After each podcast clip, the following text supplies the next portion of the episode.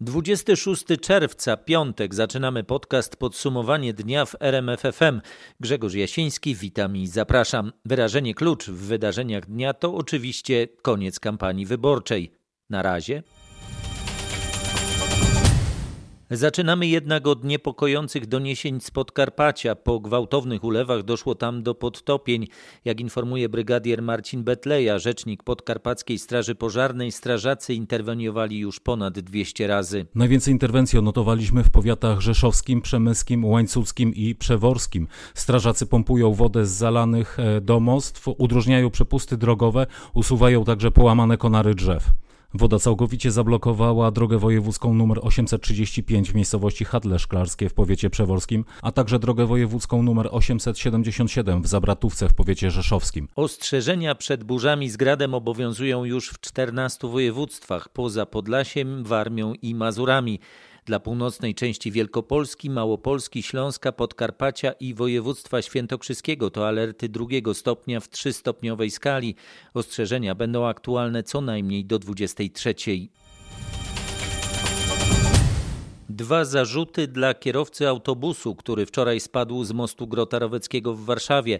Prokuratura potwierdziła, że mężczyzna był pod wpływem amfetaminy. Wykazały to badania toksykologiczne.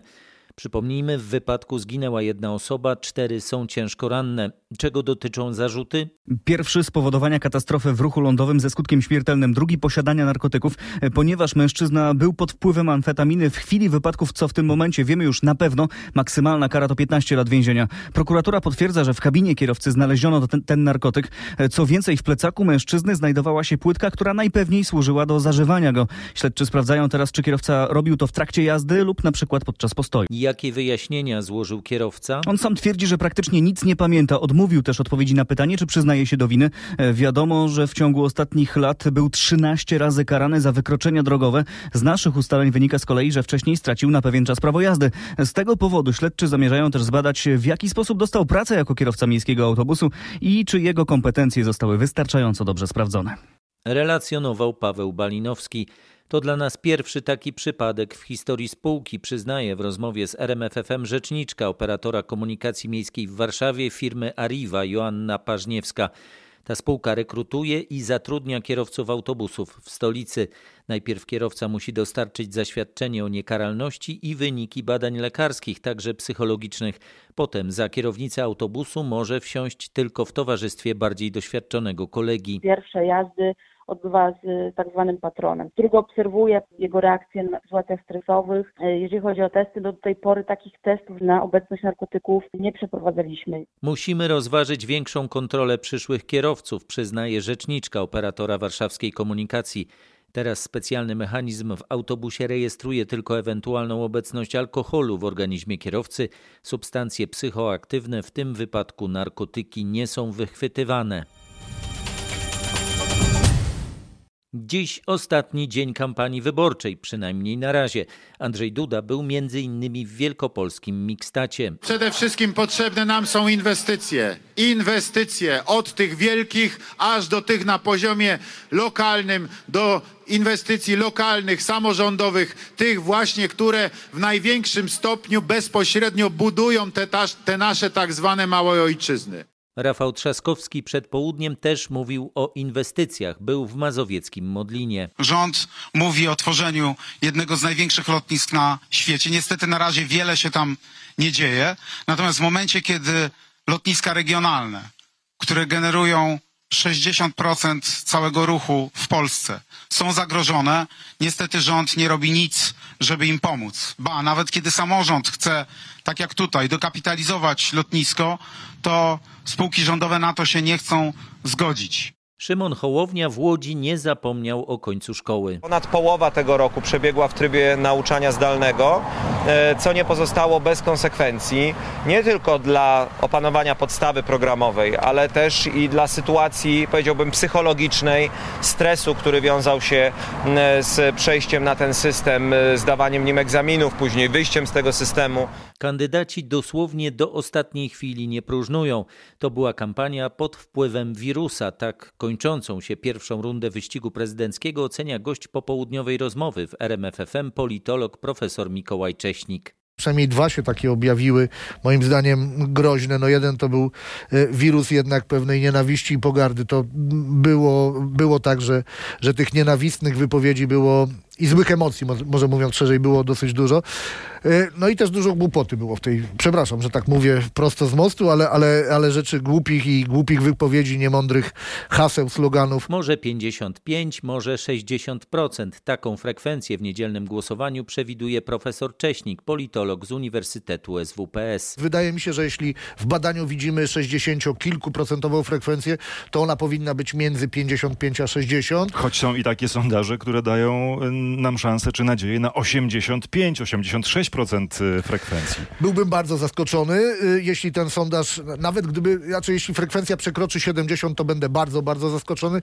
Stawiałbym dzisiaj, że przy tej temperaturze sporu politycznego i przy tym, co sondaże pokazują, no gdybym się miał zakładać, to gdzieś między właśnie 55 a 60 i w drugiej turze jeszcze trochę, trochę więcej. To nie byłby wynik y, zły, ale też pamiętajmy, że na przykład w 95 roku w drugiej turze to było prawie 70%. Szanse szanse na rozstrzygnięcie wyborów już w pierwszej turze są skromne, ocenia profesor Cześnik. Prawdopodobieństwo tego, że w drugiej, że będzie druga tura, szacuje na 80 albo 90%, a prawdopodobieństwo tego, że w niej znajdą się e, Trzaskowski i Duda szacuje właśnie na też na kilkadziesiąt procent przynajmniej. No to jest w tej chwili, w tym momencie najbardziej prawdopodobny scenariusz. Mikołaj Cześnik w rozmowie z Marcinem Zaborskim. Zobaczcie więcej na rmf24.pl. W podsumowaniu dnia podsumowujemy kampanię wyborczą. Andrzej Duda niemal pięć miesięcy temu ogłosił, że będzie walczył o reelekcję. Jak wyglądały jego zmagania o drugą kadencję, prześledził Patryk Michalski. Kontynuacja. Tak najkrócej można przedstawić wizję Andrzeja Dudy na drugą kadencję. Prezydent obiecuje utrzymanie programów społecznych i wspieranie dużych inwestycji. Tym razem nie proponuje jednak nowych, potężnych programów społecznych rozgrzewających opinię publiczną do czerwoności. W kampanii postawił na agresywną retorykę wobec LGBT, choć przekonywał, że chodzi mu nie o ludzi, ale ideologię. Próbuje się nam, proszę Państwa, wmówić, że to ludzie. A to jest po prostu ideologia. Na rzecz prezydenta pracowali premier i cały rząd. Podkreślali, że za programami PiSu stoi głowa państwa. Takim wielkim przywódcą jest pan prezydent Andrzej Duda. Ministrowie budowali mylne wrażenie, że to prezydent jest najbardziej sprawczą osobą w polskim systemie politycznym. Kampania bardziej przypominała tę parlamentarną. Z pewnością z kampanii zapamiętany będzie prezydencki rap. Nie pytają cię o imię, walczą z ostrym cieniem mgły. Andrzej Duda jeździł po Polsce Duda busem, był ciepło przyjmowany przez swoich wyborców w wielu miastach. W Krakowie wiele osób czekało na niego w deszczu. Trzaskowski-Duda to najbardziej prawdopodobny scenariusz w prezydenckiej rozgrywce w drugiej turze, jeśli do niej dojdzie. Rafał Trzaskowski zaczął kampanię od zebrania ponad miliona 600 tysięcy podpisów. Zakończył dziś na Placu Zamkowym w Warszawie. Jak wyglądała jego kampania, o tym nasz dziennikarz Mariusz Piekarski.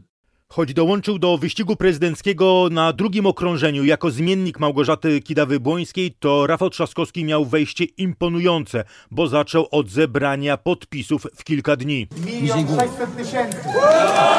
Nowy kandydat błyskawicznie wyrósł na głównego konkurenta Andrzeja Dudy. I przyszedł czas powiedzieć dość! To najmocniejsze hasło Trzaskowskiego z kampanii powtarzane na każdym wiecu, na każdym spotkaniu. Mamy dość. Trzaskowski nie obiecywał w kampanii wielkich rzeczy, stawiał na silne samorządy, brał w obronę grupy społeczne poszkodowane przez pandemię. Mówił, że czas na silnego prezydenta, który nie tylko podpisuje wszystko, co mu podsuną. Dlatego jego zwolennicy za każdym razem robili trzask prask. I po długopisie. Powstało nawet Trzaskopolo.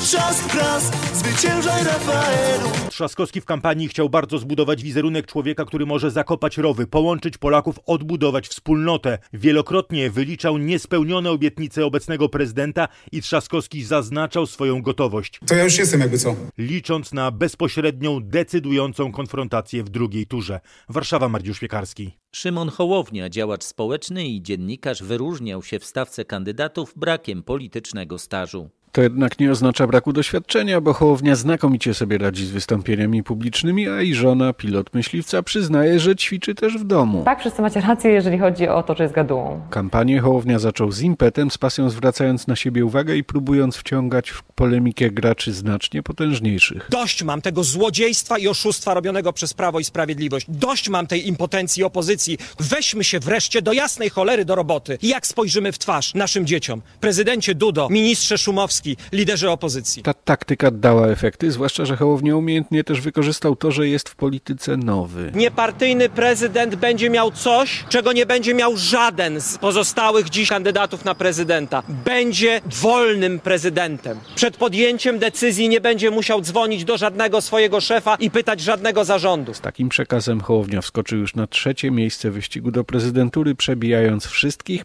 poza dwójką liderów. Zwraca uwagę Tomasz Skory. Krzysztof Bosak w tej kampanii prezydenckiej walczy nie tylko o najwyższy urząd w kraju, ale także o przyszłe sukcesy Konfederacji. Jego kampanię obserwował Krzysztof Berenda. Krzysztof Bosak był bardzo aktywnym kandydatem, ale też był jednym z najbardziej cierpliwych. Po wiecach, na co zwracają uwagę jego zwolennicy, zawsze miał czas, żeby porozmawiać z ludźmi, uścisnąć dłonie, zrobić sobie zdjęcie i nieważne, czy było słońce, czy też akurat mieliśmy oberwanie chmury. Każdy jego wiec to znane hasła. Jesteśmy ludźmi, którzy chcą państwa sprawnego. Jesteśmy ludźmi, którzy chcą państwa nowoczesnego. Jesteśmy ludźmi, którzy chcą wolności gospodarczej.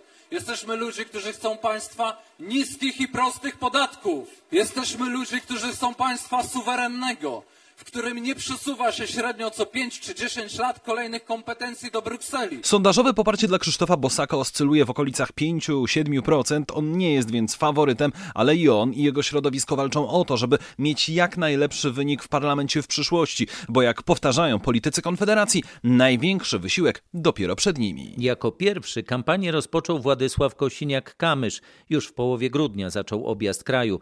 Grzegorz Kwolek prześledził wyborczy maraton lidera ludowców.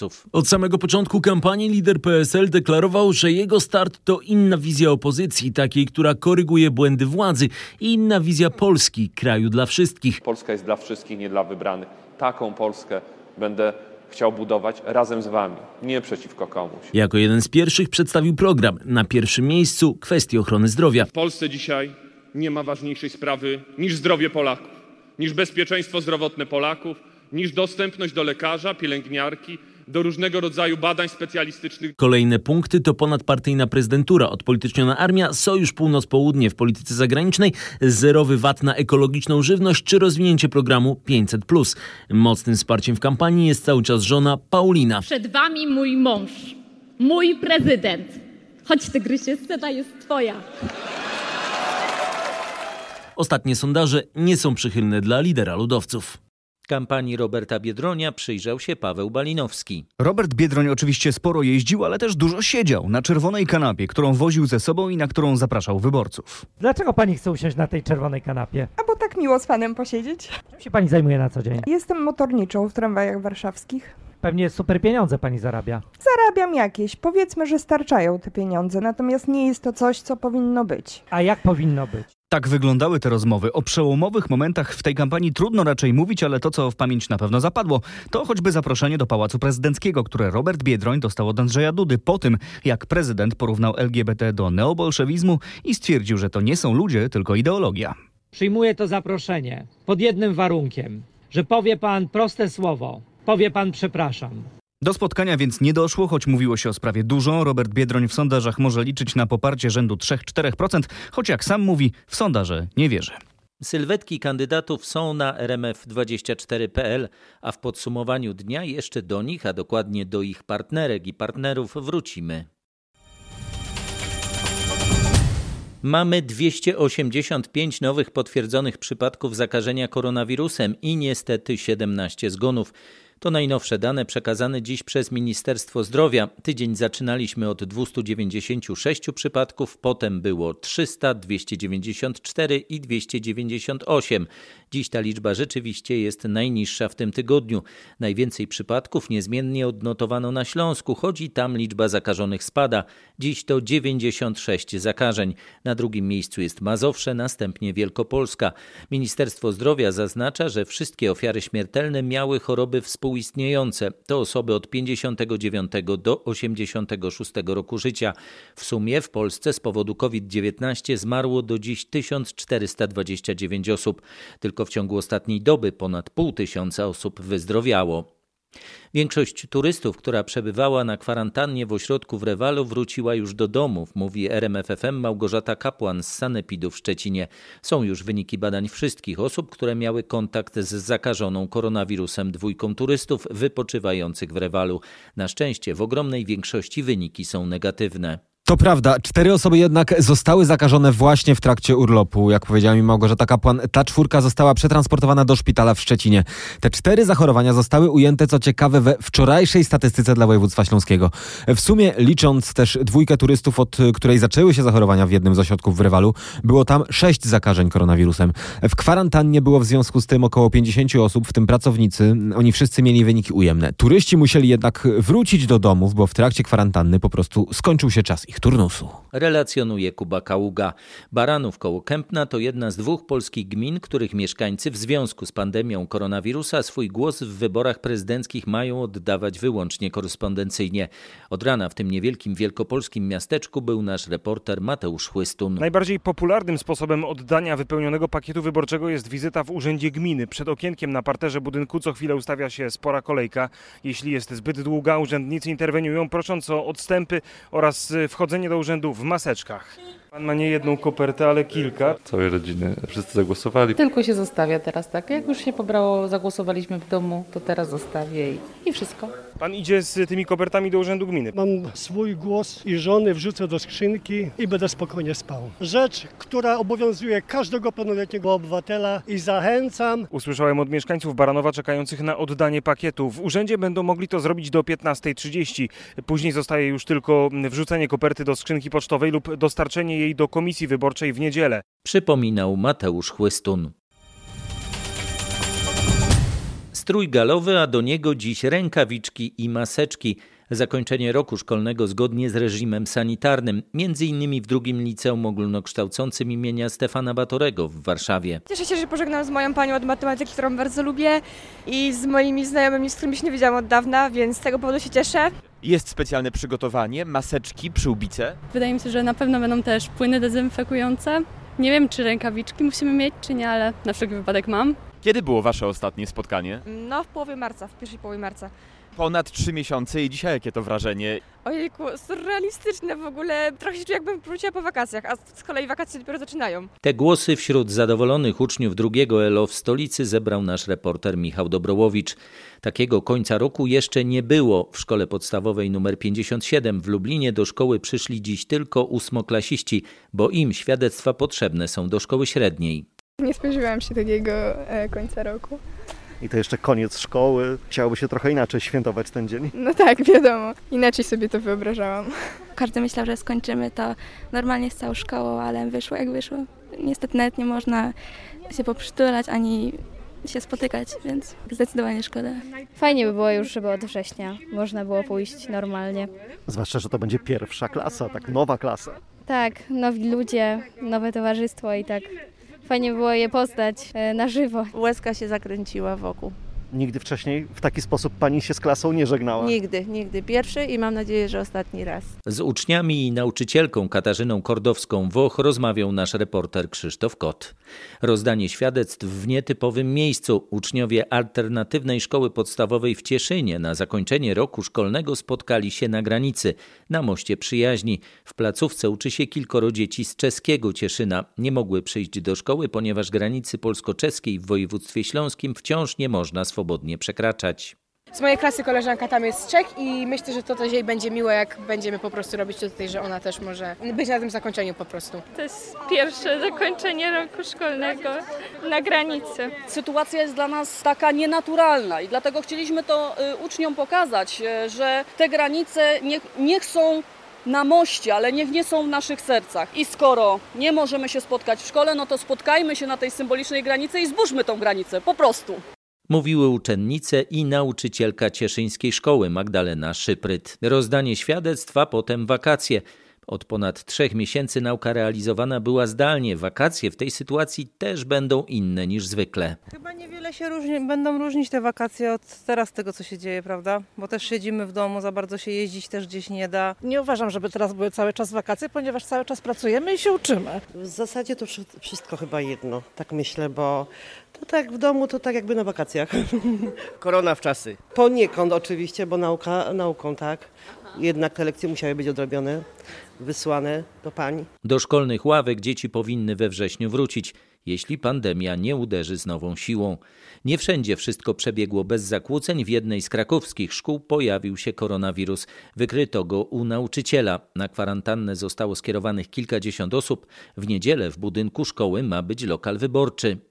Koronawirusa wykryto u jednego z nauczycieli pracującego w zespole szkół nr 11 w Krakowie. Kwarantanną od razu objęto wszystkich, z którymi miał bezpośredni kontakt, w tym kilkunastu uczniów szkoły podstawowej. Z tego powodu odwołano także dzisiejsze zakończenie roku szkolnego. W tym budynku znajdować się będzie także obwodowa komisja wyborcza, ale wybory mają odbyć się normalnie. Szereg osób jest na kwarantannie. Dzisiejsze zakończenie roku szkolnego po prostu zostało odwołane. Będzie y, cały budynek poddany dezynfekcji. Będzie możliwe przeprowadzenie tam Mówiła Ewa Caus z Wydziału Edukacji Krakowskiego Magistratu. A o wszystkim informował nasz reporter Marek Wiosło.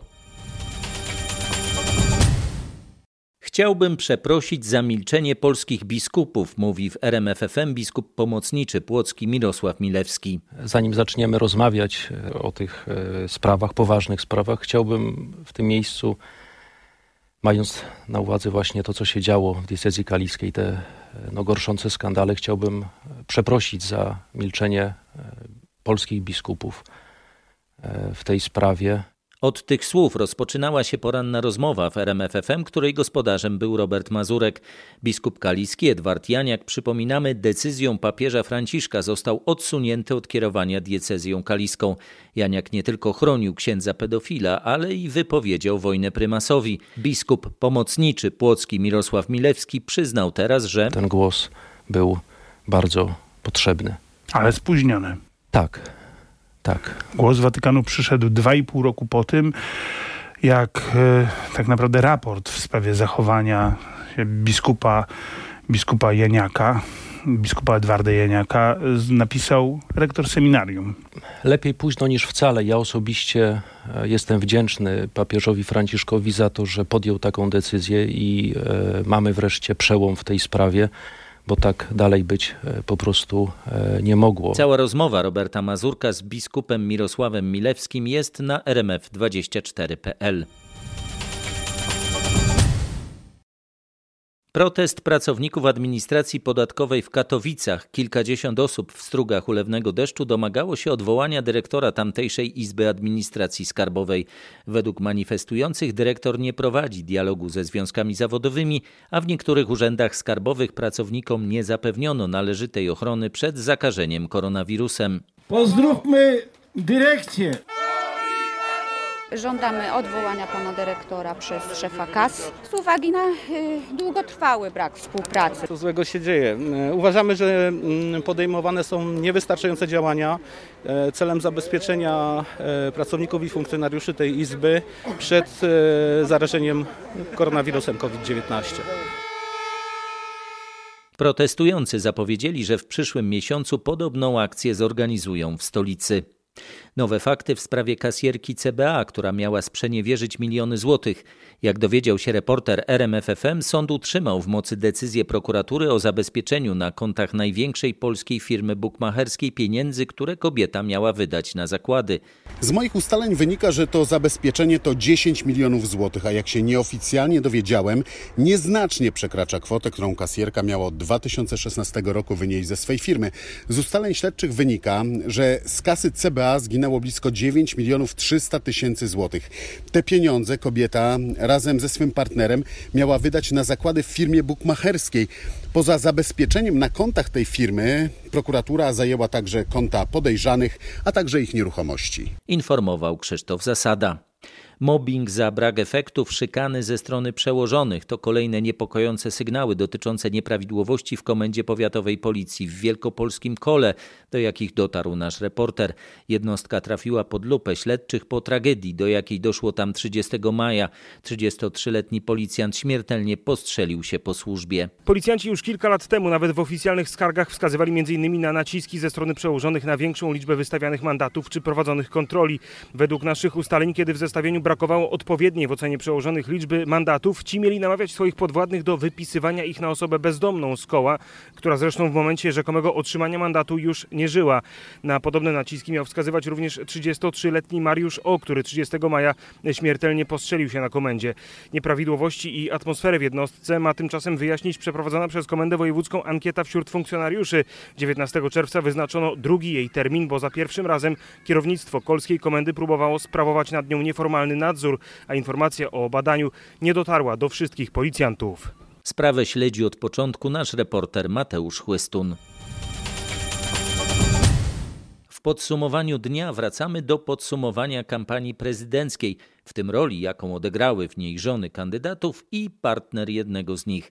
Patryk Michalski prześledził działalność pierwszej damy. Agata Kornhauser-Duda jest nieobecna w kampanii. Zdecydowała, że będzie milczącą pierwszą damą i jest w tym konsekwentna. Pięć lat temu było inaczej. Tak mówiła do Jarosława Kaczyńskiego. Z całym szacunkiem, panie prezesie, ja się pana nie boję. Powiem państwu jedno. Za Andrzejem stoję ja i moja córka i tego nic nie zmieni. Próżno szukać takich wypowiedzi w tej kampanii. Agata Kornhauser-Duda nie odpowiedziała osobiście nawet na adresowany do niej list Pauliny Kośniak-Kamysz. Żona kandydata ludowców pisała w sprawie zdrowia dzieci. W jej imieniu odpisała urzędniczka kancelarii prezydenta, zapewniając, że pierwsza dama na co dzień zajmuje się problemami społecznymi. Jednak to, że pierwsza dama zdecydowała się na bycie w cieniu nie oznacza, że jest nieaktywna. Angażuje się w wiele akcji charytatywnych, udziela korepetycji z języka niemieckiego, a w czasie pandemii montowała przyłbice medyczne. W jednym z ostatnich nagrań u boku męża mówiła o bezpiecznych wakacjach. Bądźcie ostrożni, sprawdzajcie prognozy, dobrze planujcie wasze wyprawy. Mimo, że w środę nie towarzyszyła ona Andrzejowi Dudzie podczas jego wizyty w Stanach Zjednoczonych, to została ciepło wspomniana przez Donalda Trumpa jako wspaniała kobieta. Pod lupę faktów żonę Rafała Trzaskowskiego Małgorzatę wziął Mariusz Piekarski. Żona Rafała Trzaskowskiego nie zaistniała bezpośrednio w kampanii męża, nie pojawiała się nigdzie na wiecu wyborczym, nie towarzyszyła mężowi na konwencjach i oficjalnych spotkaniach. Pojawiła się tylko w spotach wyborczych jako element ocieplający wizerunek kandydata. Miłość mojego życia, moja żona. To są nasze dzieciaki. Niewiele wiadomo o poglądach żony Trzaskowskiego, poza tym, co zdradziła w zaledwie dwóch wywiadach prasowych. W obu podkreślała swoją śląskość, a na założonym profilu społecznościowym napisała o sobie dumna ślązaczka, oddana warszawianka, rodzinna, niezależna, aktywna społecznie. Tyle wiadomo, poza tym, że przyznała, że jest osobą wierzącą, choć syn nie poszedł do komunii, bo dzieci mają same zdecydować o relacji z kościołem. Jako pierwsza dama chciałaby dalej pracować zawodowo, choć uważa, że dla pewnej niezależności pierwsza dama powinna mieć opłacane przez państwo składki zdrowotne i społeczne. Gośkę bardzo trudno powstrzymać przed mówieniem tego, co myśli, dlatego mielibyśmy pierwszą damę, która często wyrażałaby swoją opinię. Tak własną żonę w kontrze do obecnej pierwszej damy reklamował sam Trzaskowski. Warszawa Mariusz Piekarski. Teraz czas na żonę Szymona Hołowni Urszulę, a właściwie, jak zwraca uwagę Tomasz Skory, porucznik pilot Urszulę Brzezińską Hołownię, jedną z czterech kobiet pilotów wojskowych w Polsce. Nawet tę cechę warto podkreślić jeszcze bardziej, bo żona Szymona Hołowni jest pilotem samolotów myśliwskich MiG-29 z 23. Bazy Lotnictwa Taktycznego w Mińsku Mazowieckim. Drobna blondynka nie ukrywa, że mąż jest gadułą. No, czasami Szymon mówi, że jestem oficerem w domu. No, taka jestem. Czasami muszę po prostu go stawiać do pionu, bo buja w obłokach. Pani Urszula niechętnie myśli o zamieszkaniu w pałacu i rozstaniu z pracą. Jako prezydentowa nie chce się zajmować polityką, a raczej być głosem osób starszych, wykluczanych, niedostrzeganych. Samo określenie pierwsza dama pani porucznik raczej nie odpowiada. Wydaje mi się, że słowo pierwsza obywatelka byłoby trochę lepsze i bardziej stosowne w tym, co się teraz dzieje i, i jaką tak naprawdę funkcję pełni pierwsza dama. Urszula Brzezińska-Hołownia żartem rozważa na przykład reakcję powiedzmy Melanie Trump, gdyby u boku męża prezydenta wystąpiła w mundurze lotnika. Za rozgłosem jednak nie przepada. Przeciążenie kampanią uważa za większe niż w locie bojowym MiGiem-29. Spośród innych wyróżnia się zaś tym, że zna z doświadczenia i jedno, i drugie. A teraz Krzysztof Berenda podsumuje, jak w tej kampanii zaprezentowała się żona Krzysztofa Bosaka, Karina. Stała z boku, zazwyczaj trochę w cieniu, a gdy zabierała głos, to raczej jedynie gorąco reklamowała swojego męża. Z poświęceniem, wytrwale i bez oszczędzania się pracuje, by do wszystkich Polaków dotrzeć, by mogli zacząć myśleć odważnie, mądrze i rozsądnie. Od kiedy go znam, Miałam w niego wielką wiarę i dziękuję Wam, że Wy również w niego wierzycie. Ale Karina Bosak to nie tylko żona swojego męża, to pochodząca ze Szczecina prawniczka, pracująca jako ekspert w Instytucie Ordo Juris. Prowadzi tam projekt Centrum Wolności Religijnej i tam wielokrotnie bardzo głośno walczyła o konserwatywne wartości, o tradycyjny model rodziny. Jak mówią jej znajomi, na pewno nie byłaby milczącą pierwszą damą. W czasie kampanii żona lidera PSL Władysława Kosiniaka-Kamysza przebojem weszła do polskiej polityki w czasie konwencji w Rzeszowie. Jak to było, o tym Grzegorz Kwolek. To ona przedstawiła męża i jednym zdaniem zamieniła go w drapieżnika. Przed wami mój mąż, mój prezydent. Chodź tygrysie, scena jest twoja. Dyplomowana ortodontka serce lidera ludowców skradła dwa lata temu, gdy odwiedził ją z bolącym zębem. Chętnie udziela się charytatywnie, pomaga w Fundacji Wiewiórki Julii, leczącej dzieci w Armenii. Udało mi się pojechać do Armenii 16 razy. Ostatni raz byłam tam w ciąży z Zosią.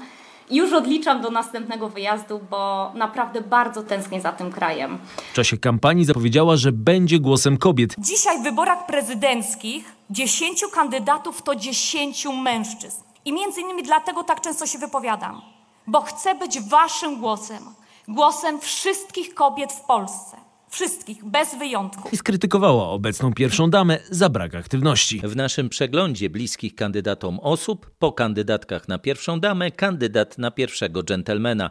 Roberta Biedronia wspiera Krzysztof Śmiszek. Prawnik, teraz też polityk, wcześniej zaangażowany społecznie działacz m.in. kampanii przeciwko homofobii i od 18 lat partner Roberta Biedronia. Krzysztof Śmiszek, osoba szczególnie mi bliska.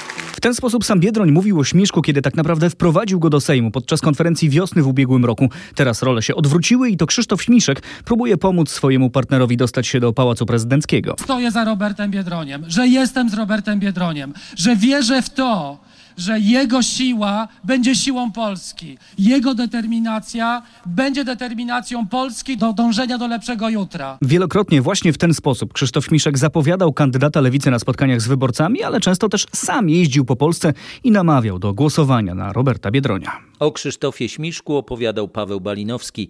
Filmowe portrety kandydatek na pierwsze damy i kandydata na pierwszego dżentelmena mamy na rmf24.pl. Po pięciu tygodniach prezentacji, zdjęć, wykładów i spotkań z artystami online, twórcy miesiąca fotografii w Krakowie proponują już oglądanie wystaw w tradycyjnej formie. Otwarcie dziś i jutro to m.in. wystawa Dyby i Adama Lachów. Ranne ptaki są nieufne w szarej kamienicy. Podsumowanie ich wieloletniej podróży po Polsce, taka no, ambitna próba pokazania Polski, jaką jest, brzmi prosto, ale jest no, nie lada wyzwaniem. To historia też takiego no, zmagania się twórców właśnie z pewnymi wyobrażeniami, takie czułe podejście do, do tego, kogo się fotografuje, co się fotografuje. Mówi Tomasz Gutkowski, współorganizator Miesiąca Fotografii w Krakowie. Wbrew nazwie ten festiwal potrwa co najmniej do końca wakacji. Stołeczny Teatr Muzyczny Roma wraca do gry na żywo z publicznością. Roma odmraża dużą scenę i od dzisiejszego wieczora do 5 lipca zagra swój słynny musical Once, stworzony na podstawie filmu Johna Carneya pod tym samym tytułem, który otrzymał 8 nagród Tony, był wystawiany 3 lata na Broadwayu i 2 lata na West Endzie. Śpiewająco zaprasza aktor tego spektaklu Kamil Owczarek w ten szczególny czas Duża scena witałans Zaczynamy dla was grać Once! To jest opowieść o relacji, która rodzi się między dziewczyną, imigrantką z Europy Wschodniej i facetem, utalentowanym muzycznie Irlandczykiem.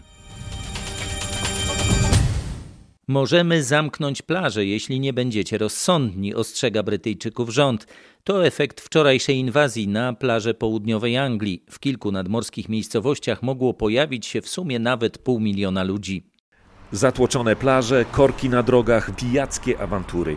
Nie marnujcie tych trzech miesięcy wyrzeczeń. Media i politycy apelują do Brytyjczyków. Wielu z nich nie powróciło jeszcze do pracy, a bajeczna pogoda kusi. Nie chcę korzystać z tego prawa, ale jeśli poziom zakażeń zacznie wzrastać, będziemy musieli zamknąć plaże, mówi minister zdrowia Matt Hancock. Nie mniej niepokojące były także wczorajsze sceny przed stadionem drużyny Liverpoolu, która zdobyła Mistrzostwo Anglii. Kilka tysięcy zebranych tam kibiców myślało o piłce nożnej, a nie o koronawirusie. To może mieć swoje konsekwencje. O czym z Wysp Brytyjskich donosił nasz korespondent Bogdan Frymorgan. To już ostatnie dni, kiedy na targowiskach i w sklepach znajdziemy polskie truskawki. Przez intensywne deszcze i opady gradu część upraw uległa zniszczeniu. Taki problem mają m.in. plantatorzy w okolicy Grójca na południu Mazowsza. Z powodu ulewnych deszczy ta truskawka może po prostu gnić na polu, więc y, już niedługo. Te truskawki w uprawie polowej, one już w wielu miejscach się kończą.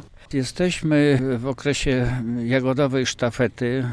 Rozpoczyna się malina. Mamy już tę malinę spod folii. Lada chwila będziemy mieli polskie borówki, polskie porzeczki, agrest. Powiedzieli nam Paulina Kopyć i Witold Boguta z Krajowego Związku Grup Producentów Owoców i Warzyw. Na tym kończymy dzisiejszy podcast Podsumowanie dnia w RMFFM. Na kolejny już po wyborach zapraszam w poniedziałek. Grzegorz Jasiński. Dziękuję, dobranoc.